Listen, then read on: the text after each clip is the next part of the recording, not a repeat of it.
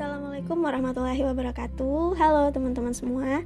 Kembali lagi bersama saya Indi. Welcome back to my podcast channel. Yeay Oke jadi ini adalah episode kedua. Ya setelah uh, sepekan yang lalu Saya melaunching episode perdana Yang judulnya Mengapa Berkarya. Dan saya senang sekali. Terima kasih banyak untuk teman-teman yang sudah memberikan respon positif yang sudah memberikan saran memberikan masukan memberikan usulan-usulan topik yang masya Allah luar biasa. Terima kasih banyak. Dan harapan saya tetap sama yaitu semoga apa yang di share di podcast ini bisa bermanfaat untuk teman-teman semua dan bisa menambah bobot kebaikan untuk kita semua. Amin ya rabbal alamin. Nah, oke, okay, jadi back to the topic. Kali ini saya mau membahas tentang sebuah topik yang menurut saya sangat penting dan patut untuk diperbincangkan. Itu judulnya yang viral belum tentu benar. Teman-teman pasti udah dengar atau bahkan sering mendengar istilah viral ini kan viral or viral viral. Ya jadi uh, sebenarnya istilah viral ini sudah masuk ke dalam kamus besar bahasa Indonesia. Jadi terakhir saya ngecek viral ini artinya berkenaan dengan uh, sesuatu yang terkait dengan virus gitu. Jadi ya viral itu berasal dari kata virus yang mana virus itu kan dia menyebar dengan sangat cepat dan ya begitu juga dengan berita-berita yang viral atau isu-isu yang viral dia juga menebar dengan sangat cepat dan ya ini apa ya kalau menurut saya persoalan ini termasuk persoalan yang patut untuk kita risaukan. Kenapa sih? Kenapa kita harus concern sama masalah viral ini?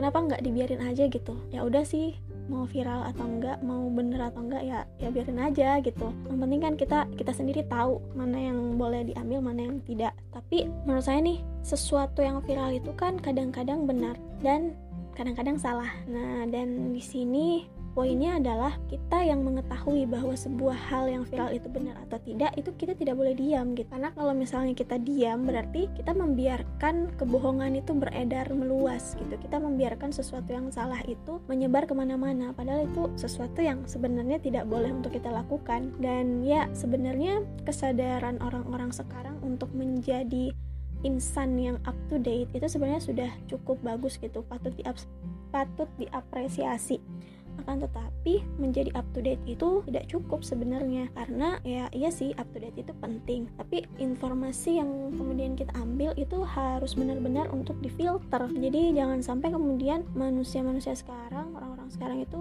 apa ya terlalu reaktif gitu terhadap sesuatu yang viral ini. Padahal kalau kita sih ya sebagai seorang muslim ada ada hadis dari Rasulullah Shallallahu Alaihi Wasallam yang diriwayatkan oleh Imam Muslim. Jadi beliau uh, pernah bersabda bersabda bahwa cukuplah seseorang disebut sebagai pendusta jika dia mengabarkan semua yang dia dengarkan. Tuh, jadi uh, kita tuh muslim bahkan kita diajarkan untuk tidak terlalu cepat menyebarkan berita-berita yang kita dengarkan. Jadi ketika kita mendengar berita jangan langsung auto disebar gitu. Karena dikatakan itu bisa bisa mengindikasikan seseorang itu bisa disebut sebagai seorang pendusta. Belum lagi ada juga hadis yang lain yang cukup masyur sebenarnya yang diriwayatkan oleh Imam Bukhari dan Muslim dari Abu Hurairah radhiyallahu anhu bahwasanya Rasulullah shallallahu alaihi wasallam bersabda, "Siapa yang beriman kepada Allah dan hari akhir, hendaklah dia berkata baik dan diam." Tuh, jadi uh, pilihannya tuh ada dua, berkata baik atau diam. Jadi kalau kita tidak bisa berkata yang baik, berarti lebih baik diam gitu. Kalau kita tidak bisa diam, maka katakanlah yang baik-baik saja. Terus kira-kira kategori orang yang menyebarkan berita bohong tuh di mana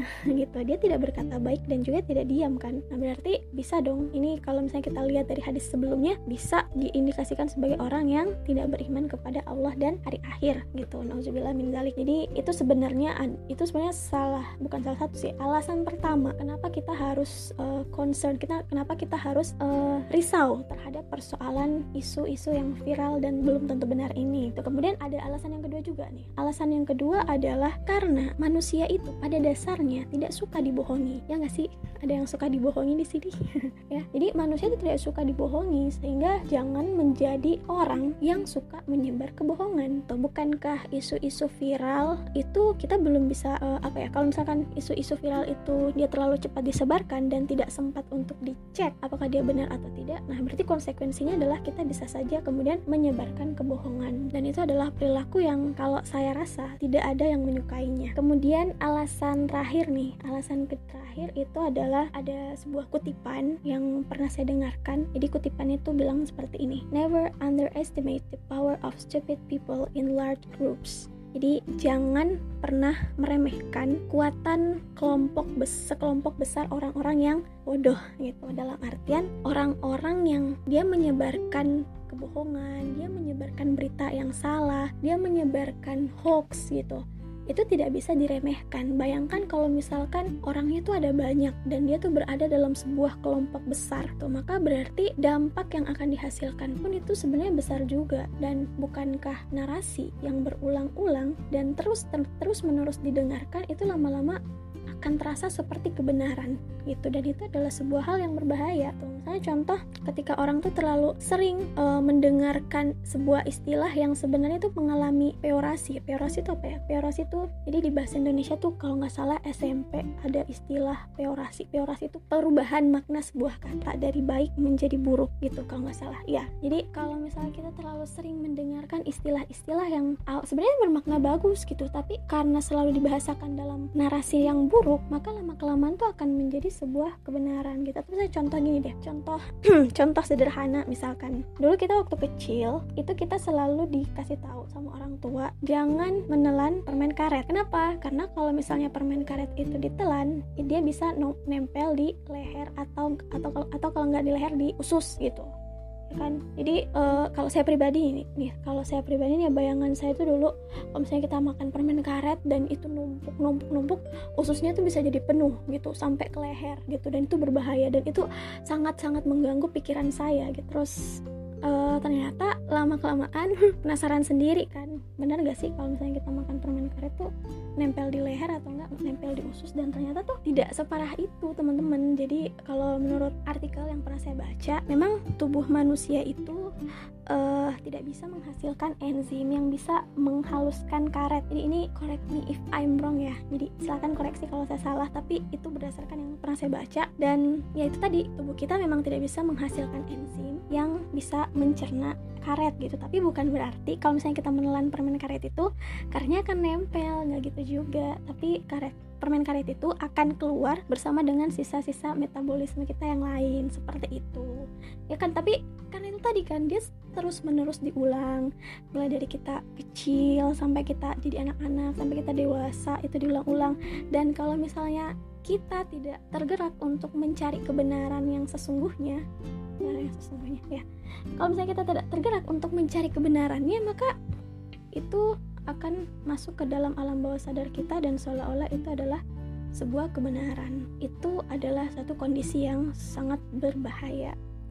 Nah pertanyaan selanjutnya sebenarnya adalah kenapa sih isu-isu ini bisa menjadi viral? Jadi ada beberapa alasan sebenarnya. Uh, yang pertama adalah karena adanya peran dari media sosial. Jadi uh, media sosial tuh sebenarnya uh, pors apa ya? Dia mengambil porsi terbesar juga sebagai faktor penyebab viralnya sebuah isu.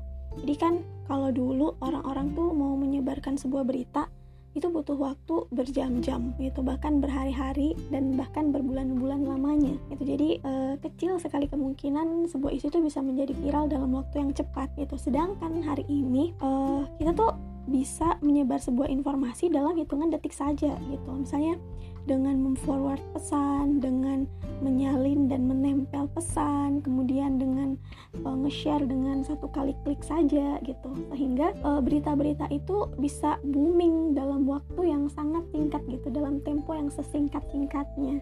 Ya, namun ya itu tadi sayangnya kecepatan penyebaran informasi hari ini apa ya, tidak diiringi, tidak disertai dengan keinginan untuk menyaring berita. Tuh itu yang kita sayangkan. Kemudian alasan yang kedua ada adalah orang-orang itu cenderung membagikan informasi yang sesuai dengan yang dia yakini. Jadi maksudnya adalah orang-orang um, itu kan sebenarnya punya interest masing-masing gitu kan, punya latar belakangnya masing-masing dan punya keyakinannya masing-masing. Keyakinan dalam artian dia punya persepsinya masing-masing gitu. Dan uh, semua orang itu cenderung membagikan informasi atau menyebarkan informasi yang sesuai dengan interest dia, sesuai dengan latar belakang dia atau sesuai dengan persepsi dia. Jadi coba teman coba teman-teman bayangkan ya, ketika kita berinteraksi dengan orang-orang di sosial media yang banyaknya ribuan orang itu, ribuan orang ini tuh punya kecenderungan yang berbeda-beda gitu, punya persepsi yang berbeda-beda. Sehingga ketika mereka menyebarkan informasi dan kita membacanya, maka pada saat yang sama kita sebenarnya sedang membaca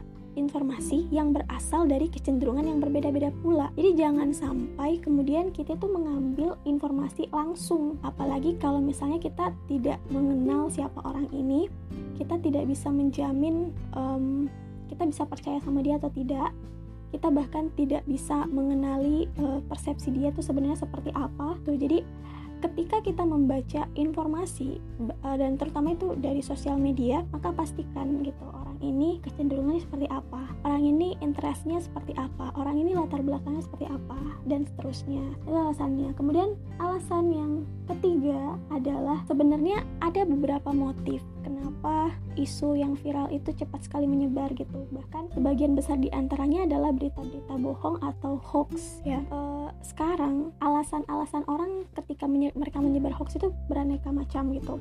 Ada yang iseng jadi iseng aja gitu menyebar hoax biar biar ramai biar uh, gaduh gitu kan. Terus ada juga yang sengaja menyebarkan hoax itu untuk membangun persepsi atau untuk membangun citra akan sebuah objek gitu. Ini yang marak ya kalau kayak kemarin pas uh, masa-masa pilpres wuh itu sebenarnya ya adalah salah satu masa di mana kita itu dituntut untuk lebih peka terhadap isu-isu yang viral gitu. Karena banyak sekali kemudian berita-berita yang beredar dan tujuannya itu adalah untuk mengarahkan opini.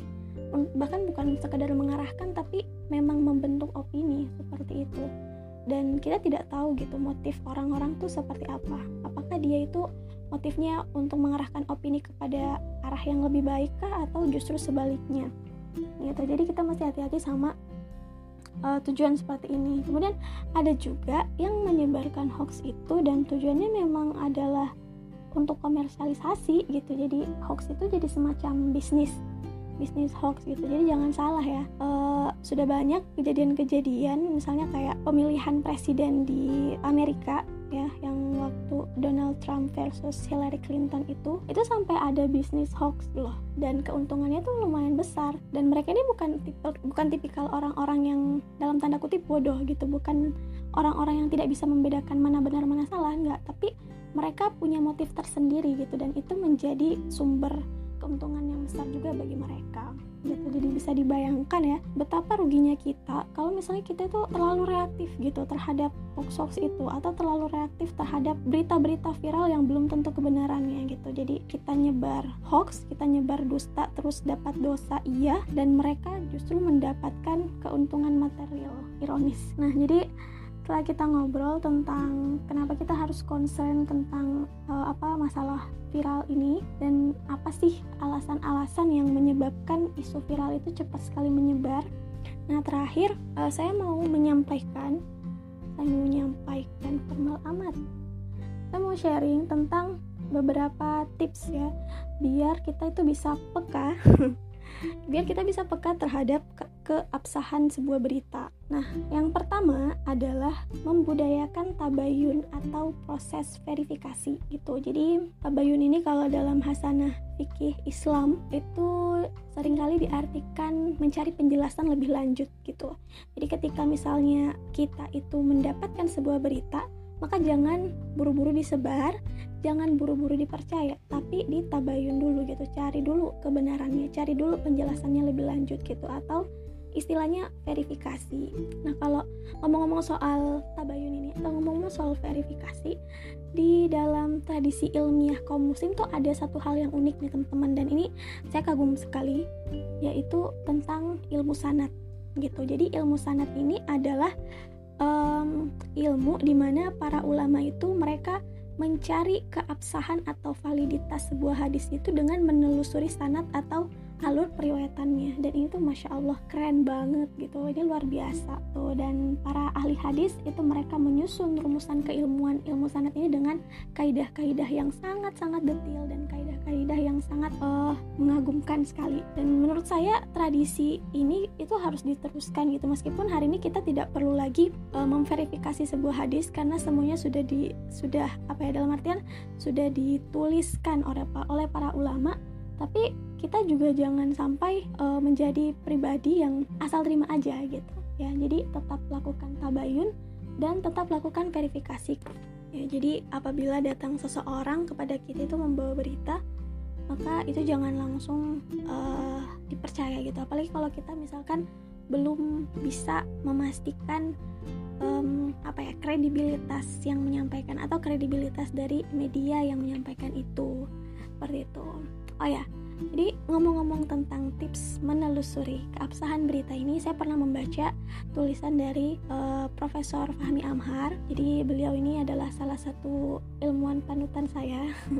Beliau pernah menulis tentang uh, tips mengenali hoax gitu. Ada beberapa tips yang beliau tuliskan. Yang pertama adalah kita harus peka pada sesuatu yang too good to be true atau too bad to be true. Tuh, jadi peka terhadap sesuatu yang terlalu indah untuk menjadi kenyataan atau sebaliknya terlalu buruk kalau menjadi kenyataan. Jadi apa ya sebenarnya ini ya teman-teman tips-tips ini tuh dia bersifat kasuistik ya dia bersifat teknis sebenarnya gitu. Jadi uh, di sini dibutuhkan ketelitian dan kesabaran serta kejelian teman-teman dalam mengamati sebuah isu gitu. Jadi memang untuk bisa melakukan check and recheck berita itu memang tidak mudah. Saya pun sa sampai saat ini tuh masih belajar, masih belajar banget untuk melakukan itu. Cuman eh, tips-tips uh, ini itu sekali lagi saya sampaikan dia bersifat kasuistik gitu. Jadi ya memang mau tidak mau kita yang harus jeli gitu melihat secara teknisnya seperti apa. Jadi balik lagi tadi tips dari tips yang pertama itu peka sama sesuatu yang too good to be true. Terlalu indah untuk menjadi sebuah kenyataan atau sebaliknya too bad to be true. Terlalu buruk kalau misalnya dia bisa menjadi kenyataan gitu. Karena kalau menurut saya sih ya sebuah berita itu yang terlalu indah atau bahkan sebaliknya terlalu buruk itu kan sebenarnya uh, sangat-sangat mengundang reaksi gitu ya. Kalau misalnya dia terlalu bagus itu mengundang reaksi untuk segera disebarkan gitu kan. Ini adalah kebaikan yang luar biasa. Atau misalkan kalau dia terlalu bad terlalu buruk segera disebarkan untuk men, apa meningkatkan kewaspadaan gitu. Jadi uh, intinya sih jangan terlalu reaktif terhadap isu-isu yang viral. Kemudian tips yang kedua adalah be aware ya hati-hati terhadap berita yang membawa nama-nama besar gitu. Misalnya dia bawa nama lembaga NASA gitu atau bawa nama lembaga UNESCO atau lembaga apa gitu kan? Atau dia membawa nama-nama ilmuwan atau nama-nama profesor gitu kan. Jadi sebenarnya ini cukup sederhana sih. Kalau misalkan kita mau melakukan verifikasi terhadap isu-isu seperti ini ya tinggal uh, buka aja gitu uh, fanpage atau website resmi dari lembaga-lembaga yang bersangkutan gitu. Atau misalkan kalau dia menyangkut nama-nama ilmuwan atau nama-nama profesor, nama-nama uh, dosen misalkan, maka ya kita tinggal ngecek di Google Scholar gitu. Kita ngecek jurnalnya atau apa hasil penelitiannya seperti apa dan sebagainya. Kemudian uh, apa be aware juga ya, berhati-hatilah terhadap isu-isu atau berita yang dia menggunakan kalimat yang seolah-olah ilmiah padahal keliru gitu. Atau dia juga bisa jadi menggunakan kalimat-kalimat yang paranoid ya dalam artian ngotot banget untuk segera disebarkan gitu. Pakai tanda serunya satu baris full. Atau uh, caps lock jebol full caps lock semua gitu. Jadi dia apa ya ha, apa ya teman-teman harus menyalakan radar gitu. Harus bisa mendeteksi.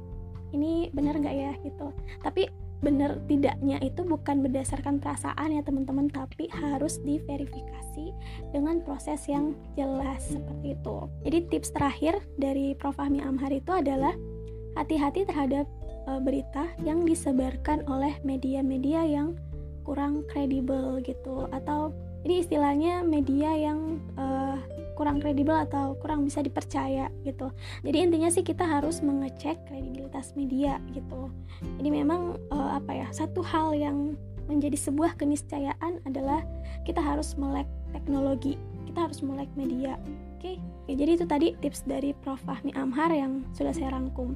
Kemudian uh, selain melakukan tabayun atau selain melakukan verifikasi, kita juga harus tetap bersuara teman-teman. Jadi ketika teman-teman itu membaca sebuah isu, misalnya ada teman-teman yang nge-share sebuah berita, terus teman-teman tahu bahwa itu adalah hoax, itu adalah berita yang tidak benar gitu. Maka teman-teman tuh harus speak up gitu. Harus berbicara harus menyampaikan bahwa itu adalah berita yang tidak benar gitu. Kan kadang-kadang nih ya kalau misalkan kita ngelihat teman-teman kita atau ya teman dekat kita lah gitu nge-share berita yang tidak benar. Dan ya pada saat yang sama kita sudah melakukan check and recheck. Kita tuh merasa kayak aduh bilang gak ya bilang gak ya nggak enak nih gitu. Jadi jangan jangan merasa nggak enak gitu untuk menyampaikan kebenaran. Tapi kita tetap harus speak up kita harus tetap berbicara. Tapi ada tapinya. Tapinya adalah sampaikan dengan empati gitu. Jadi jangan langsung ngotot juga gitu. Misalkan dia nge-share-nya di Facebook terus kita langsung tegur lewat komen gitu yang di mana semua orang bisa lihat gitu. Atau misalkan kita share dan kita tulis ini nih dia nyebar hoax nih gitu. Itu kan kayaknya semua orang tuh nggak suka kalau misalkan kita melakukan hal yang seperti itu. Jadi ya sampaikan dengan cara-cara dengan cara yang baik-baik gitu. Atau misalkan kalau itu adalah orang yang lebih tua dari kita gitu maka sampaikanlah dengan cara yang ahsan gitu cara yang baik jadi tips terakhir dari saya bagaimana caranya supaya kita bisa peka terhadap keabsahan berita adalah terus belajar, terus memelihara rasa ingin tahu dan teruslah merasa skeptis. Panto. Jadi um, ya kita harus terus belajar kenapa? Karena ilmu pengetahuan itu berkembang ya kan.